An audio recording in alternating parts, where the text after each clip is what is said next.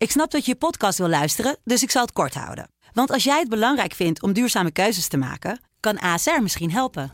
Nou hoor ik je denken, hoe dan?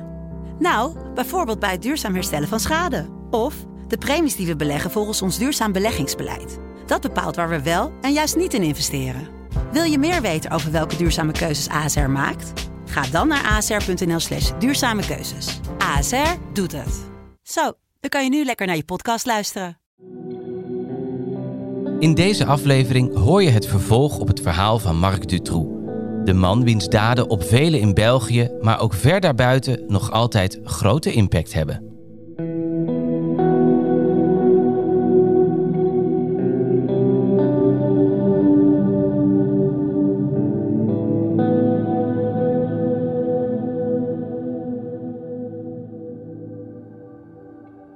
Je luistert naar de podcast Ontvoerd. Mijn naam is Maya Noordam en ik zit samen met Kevin van den Berg.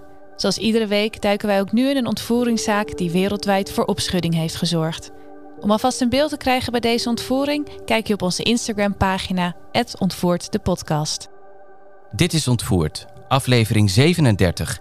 Het monster, deel 2. Onze waargebeurde ontvoeringsverhalen bevatten schokkende details over geweld, seksueel misbruik, claustrofobie en of mishandeling. Ben je jonger dan 18 jaar of gevoelig voor deze details?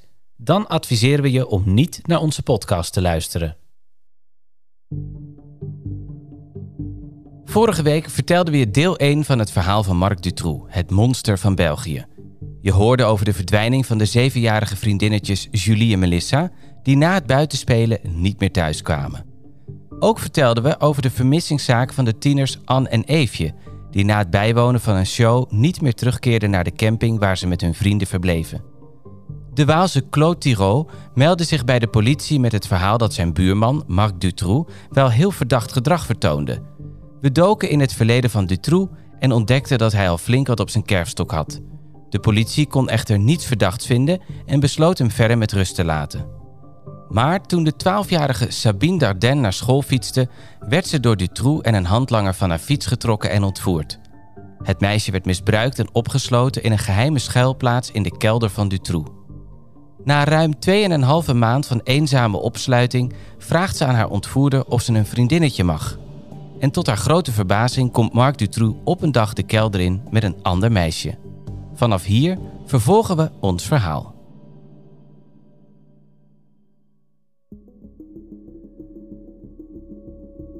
Het meisje dat bij Sabine in de kelder komt is de 14-jarige Letitia Deles. Ze is verdoofd en vastgebonden. Drie dagen geleden is zij ontvoerd door Marc Dutroux en zijn handlanger Michel Lelièvre.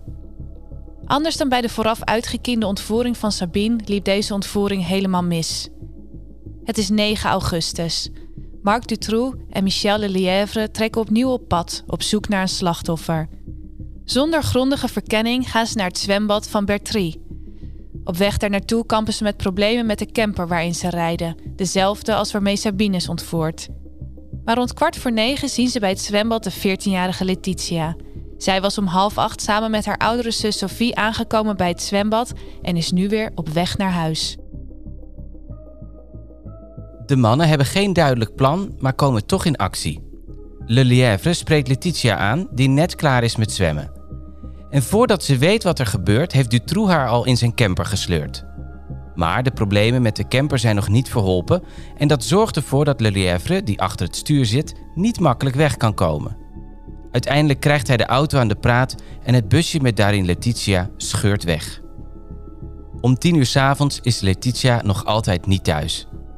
Haar moeder, Patricia Martin, wordt ongerust. Samen met Letitia's zus Sophie gaat ze op zoek naar haar dochter bij vrienden en kennissen. Maar tevergeefs. Niemand heeft Letitia nog gezien. Dus even na middernacht belt de familie de politie om de zorgwekkende verdwijning van Letitia te melden. Het meisje is spoorloos verdwenen.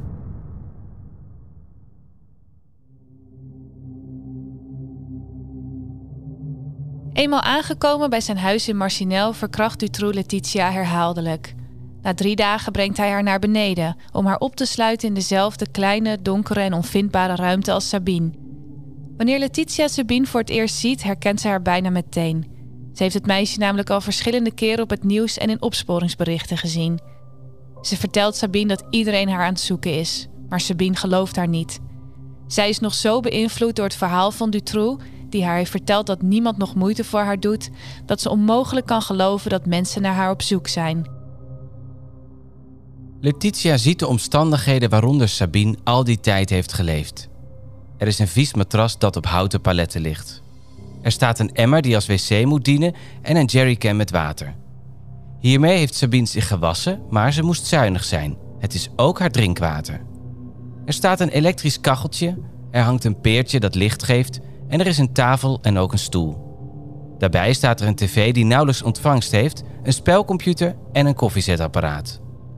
Sabine vertelt Letitia dat ze haar dagen vult met het leren uit haar boeken Nederlands en wiskunde die in haar tas zaten toen ze werd ontvoerd.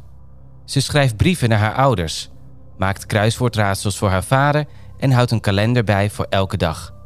Af en toe krijgt ze een tijdschrift, zo vertelt ze. Sabine voelt zich schuldig. Ze had Dutroux natuurlijk gevraagd om een vriendinnetje, maar dit was niet de bedoeling. Ze bedoelde een van haar eigen vriendinnetjes om zo nu en dan mee te spelen, niet een nieuw slachtoffer.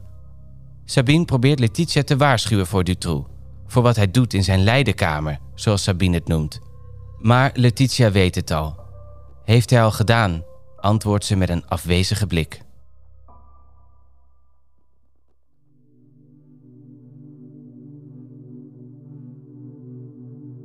Het lijkt een uitzichtloze situatie voor de meiden. Maar de ontvoering van Letitia is niet, zoals die van Sabine, onopgemerkt gebleven. Men heeft de opvallende oude roesbak van Dutroux, die door zijn kapotte uitlaat een enorme herrie maakt en van ellende bijna uit elkaar valt, opgemerkt bij het zwembad waar Letitia is ontvoerd. De 71-jarige zuster Etienne vertelt de politie dat ze op 9 augustus verschillende keren een witte bestelwagen in de buurt van het zwembad heeft gezien. Volgens de kloosterzuster zaten er stickers op de achteruit van de bestelwagen en maakte de kapotte uitlaat veel lawaai.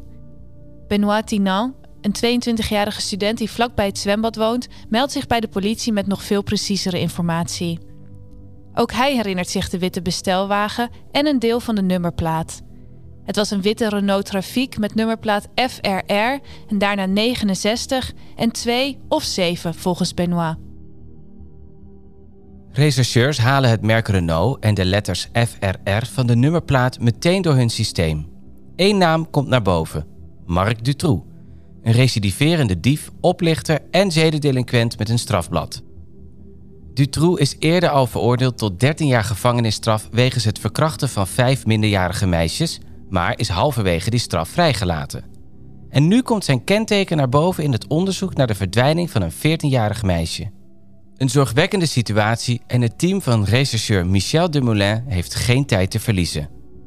Er wordt een politieoperatie voorbereid en op 13 augustus 1996 vallen agenten binnen in de verschillende huizen van Dutroux. Drie verdachten worden gearresteerd op verdenking van de ontvoering van Letitia Deleuze. Het gaat om Marc Dutroux, zijn vrouw Michel Martin en Michel Lelièvre.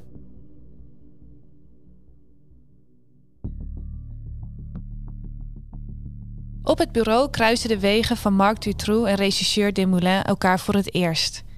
Desmoulins heeft flink wat ervaring opgedaan in zware dossiers en wordt op de ondervraging van Marc Dutroux gezet.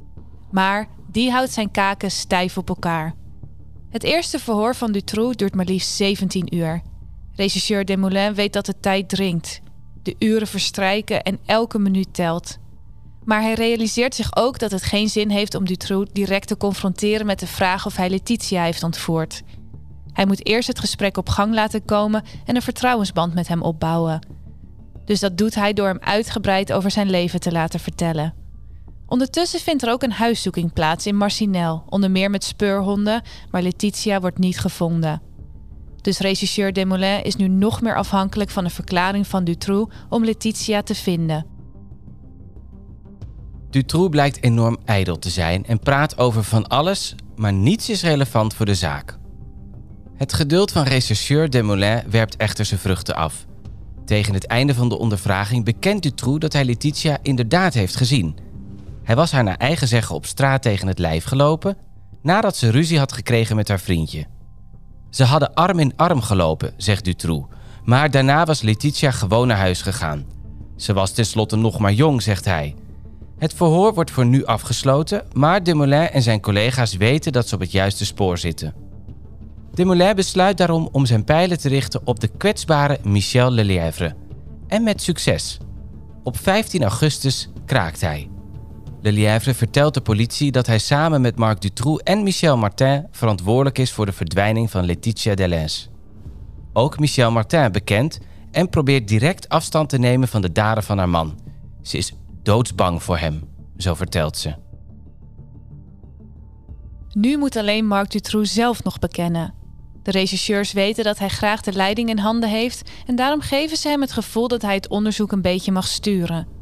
Hij mag meelezen als agenten het proces verbaal uittypen en hierop zelfs correcties aanbrengen.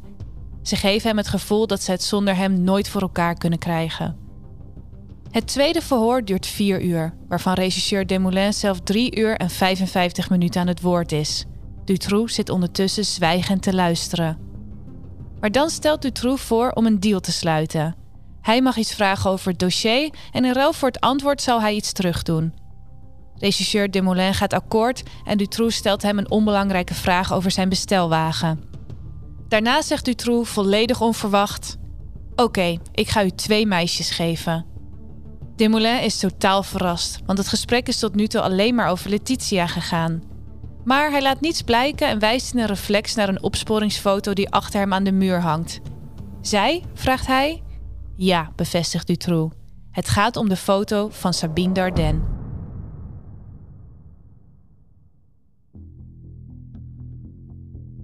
Kom, we gaan ze halen, zegt Dumoulin tegen Dutroux.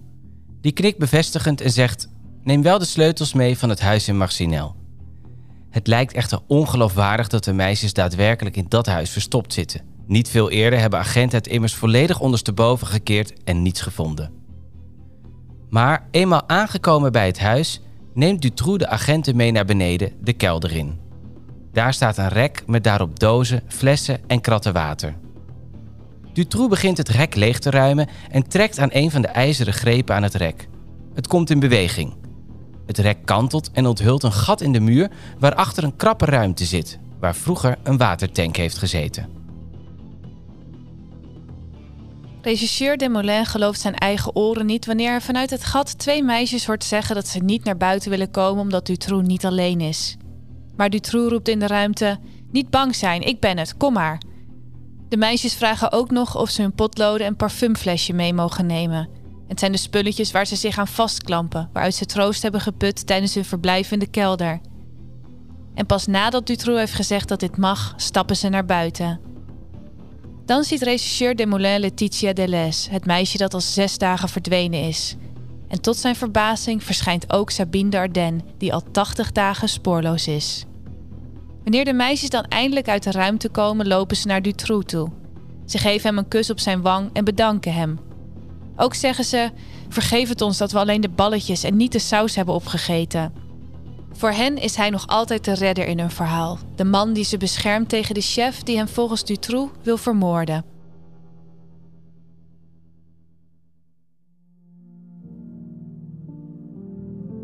De vondst geeft België en de ouders van Anne, Eefje, Julie en Melissa hoop.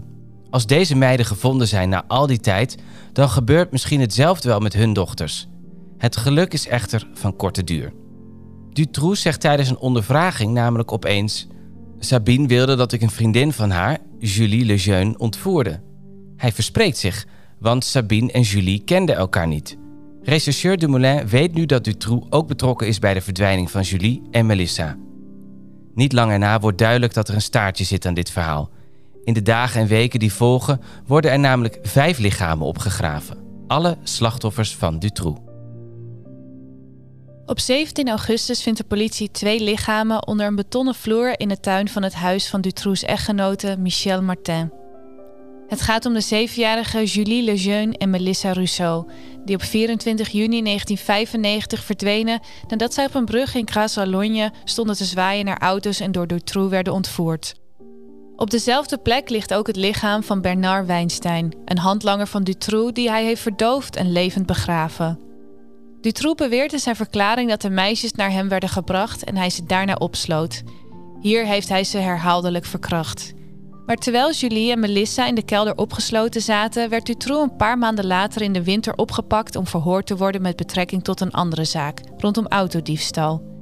Hij zat daarvoor 3,5 maand in voorarrest en kwam pas weer vrij in maart 1996. In de tussentijd had hij zijn vrouw, Michelle Martin, gevraagd om voor de meisjes te zorgen zolang hij in de gevangenis zat. Dit had ze echter niet gedaan.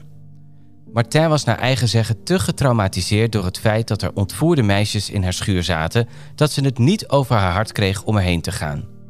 Ze ging de honden, die in de keuken leefden, wel te eten geven, maar verder dan dat ging ze niet. Ik kon het niet over mijn hart krijgen om die arme meisjes daar zo te zien zitten, dus bleef ik er weg. Ik gaf enkel de honden eten, zo verklaarde ze. Toen Dutroux vrijkwam, waren de meisjes al op sterven na dood. Julie stierf twee uur na zijn thuiskomst, Melissa vier dagen later. De autopsie toonde aan dat hij pogingen had gedaan om de meisjes in leven te houden, bijvoorbeeld door lucht in hun aders te spuiten, maar zijn pogingen waren te vergeefs. Geschat wordt dus dat Julie en Melissa vanaf het moment van hun ontvoering nog zo'n acht maanden hebben geleefd, tot ze aan uithongering stierven.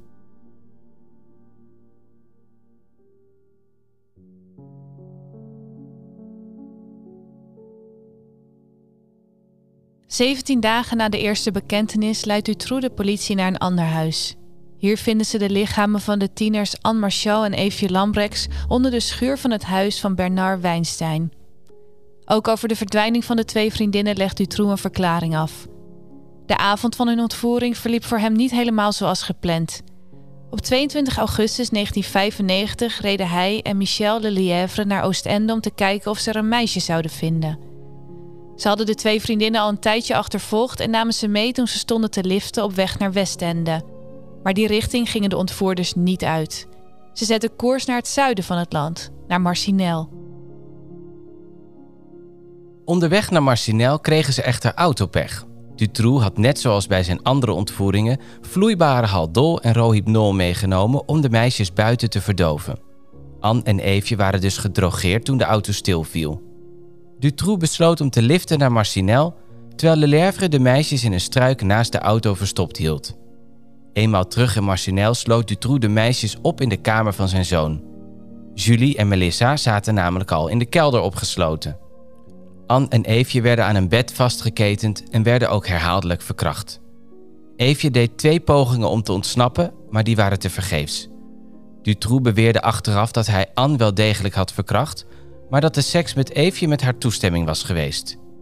Niet veel later werden Anne en Eefje overgebracht naar het huis in Jumet. Het is niet duidelijk wanneer ze precies gestorven zijn, maar het is wel zeker dat ze allebei ondervoed waren. Eefje stierf van ondervoeding, maar de doodsoorzaak bij Anne was verstikking. Zij werd gevonden met een zak over haar hoofd. Mogelijk was ze nog in leven toen ze begraven werd.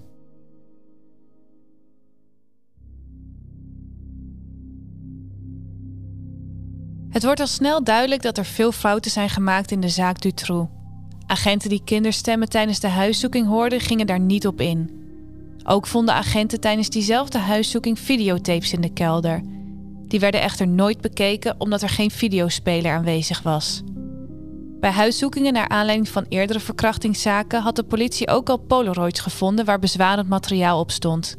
De politie wist dus dat Dutroux beeldmateriaal verzamelde van zijn misdaden. Op een van de tapes, die pas in een laat stadium van het proces bekeken werden, was te zien hoe hij de gedrogeerde meisjes verkrachtte. Op andere tapes stonden beelden van de verbouwingen in de kelder. Paul Marchal vertelde op de begrafenis van zijn dochter dat de dood van Anne en Eefje gemakkelijk voorkomen had kunnen worden als de politie dezelfde moeite had gedaan als bij de zoektocht naar Letitia en Sabine.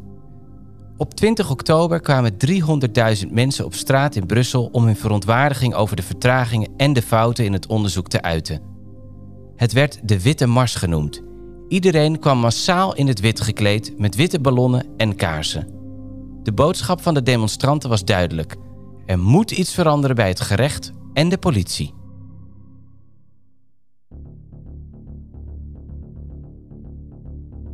Maar op 23 april 1998 staat het land echt op zijn kop.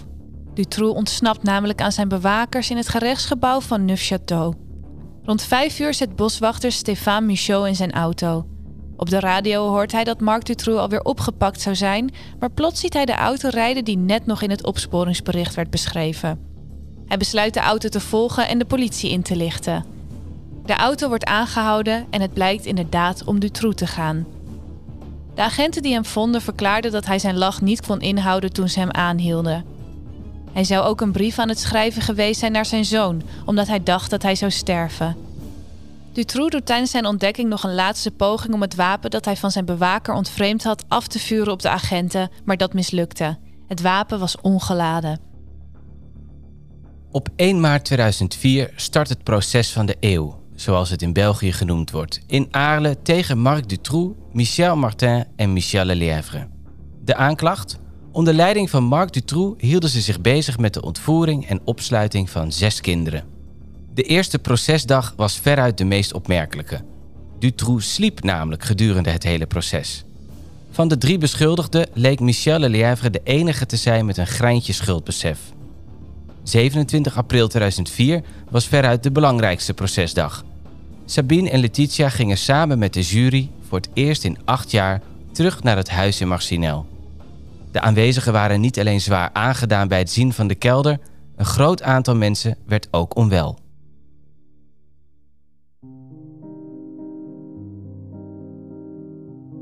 Voordat de jury in beraad ging, besloot Dutroux toch nog van zich te laten horen. Hij hield een monoloog van maar liefst vier uur, waarin hij benadrukte hoeveel onopgeloste vragen er nog waren. Uiteindelijk werd hij veroordeeld tot een levenslange gevangenisstraf. Zijn vrouw Michel Martin kreeg 30 jaar en Le Lièvre kreeg een straf van 25 jaar. Dutroux deed nog een poging om in hoger beroep te gaan, maar zonder succes. Er werden geen procedurefouten gevonden. Michel Le Lièvre kwam in 2019 vrij na een celstraf van 23 jaar. Hij mag geen contact hebben met slachtoffers of anderen uit het dossier en mag daarom niet in bepaalde provincies in België komen. Michel Martin, de inmiddels ex-vrouw van Marc Dutroux, kwam voorwaardelijk vrij op 31 juli 2012. Ze had op dat moment 16 jaar achter de tralies doorgebracht. Veel te weinig, oordeelde de familie van de slachtoffers en een groot deel van de publieke opinie. Haar proeftijd, die gekoppeld was aan haar voorwaardelijke vrijlating, is inmiddels vervallen. Martin heeft zich in de tien jaar aan alle voorwaarden gehouden die de rechtbank haar oplegde en leeft nu als een vrije vrouw. Marc Dutroux zit nog altijd, 26 jaar later, geïsoleerd in de cel. Hij heeft meermaals vervroegde vrijlating aangevraagd, maar die verzoeken zijn steeds afgewezen. Volgens psychiaters vormt hij nog altijd een groot gevaar. In 2021 verschenen er filmpjes op TikTok waarin hij wordt uitgejoeld en bekogeld met afval door medegevangenen. De vader van Anne, Paul Marchal, wil er vele jaren na dato enkel nog dit over kwijt. Het is te zwaar om het hele verhaal opnieuw te vertellen en alle gevoelens die daarbij komen weer op te rakelen. Maar dat wil niet zeggen dat ik niet wil dat er over geschreven wordt, want dit verhaal mag nooit vergeten worden. Letitia heeft het zwaar gehad na haar bevrijding. Ze kreeg last van slapeloosheid, buikpijn en hoofdpijn en durfde nauwelijks nog alleen de straat op. In het begin heeft ze nog contact gehad met Sabine, maar na een paar jaar werd het contact verbroken. Sabine nam het Letitia en haar moeder naar eigen zeggen kwalijk dat ze intieme dingen over haar aan de kranten hadden verteld.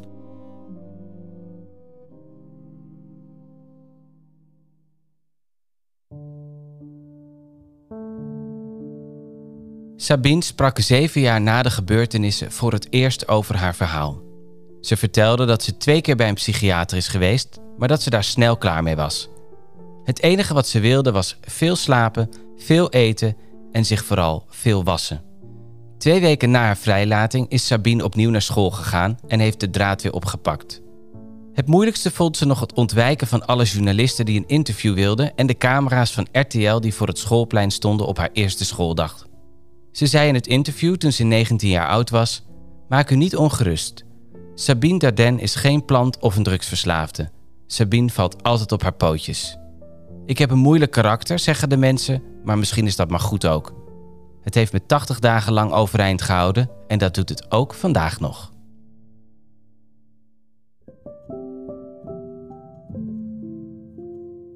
Letitia en Sabine zijn intussen dertigers met een vaste baan, een partner, een eigen huis, kinderen en bovenal een toekomst. Sabine schreef een boek over haar ervaringen, genaamd Ik was 12 en fietste naar school. Haar indrukwekkende verhaal lees of luister je via Storytel. In onze show notes vind je een link voor 30 dagen gratis toegang tot alle e-books en luisterboeken van Storytel. Tot zover het verhaal over de ontvoeringen van het Belgische monster Marc Dutroux. Wil je een beeld krijgen bij Sabine, Letitia, Julie, Melissa, Anne en Eefje? Kijk dan op onze Instagram-pagina ontvoerd de podcast. In de aflevering van volgende week hoor je het verhaal over de ontvoering van het achtjarige meisje Sandra Cantu.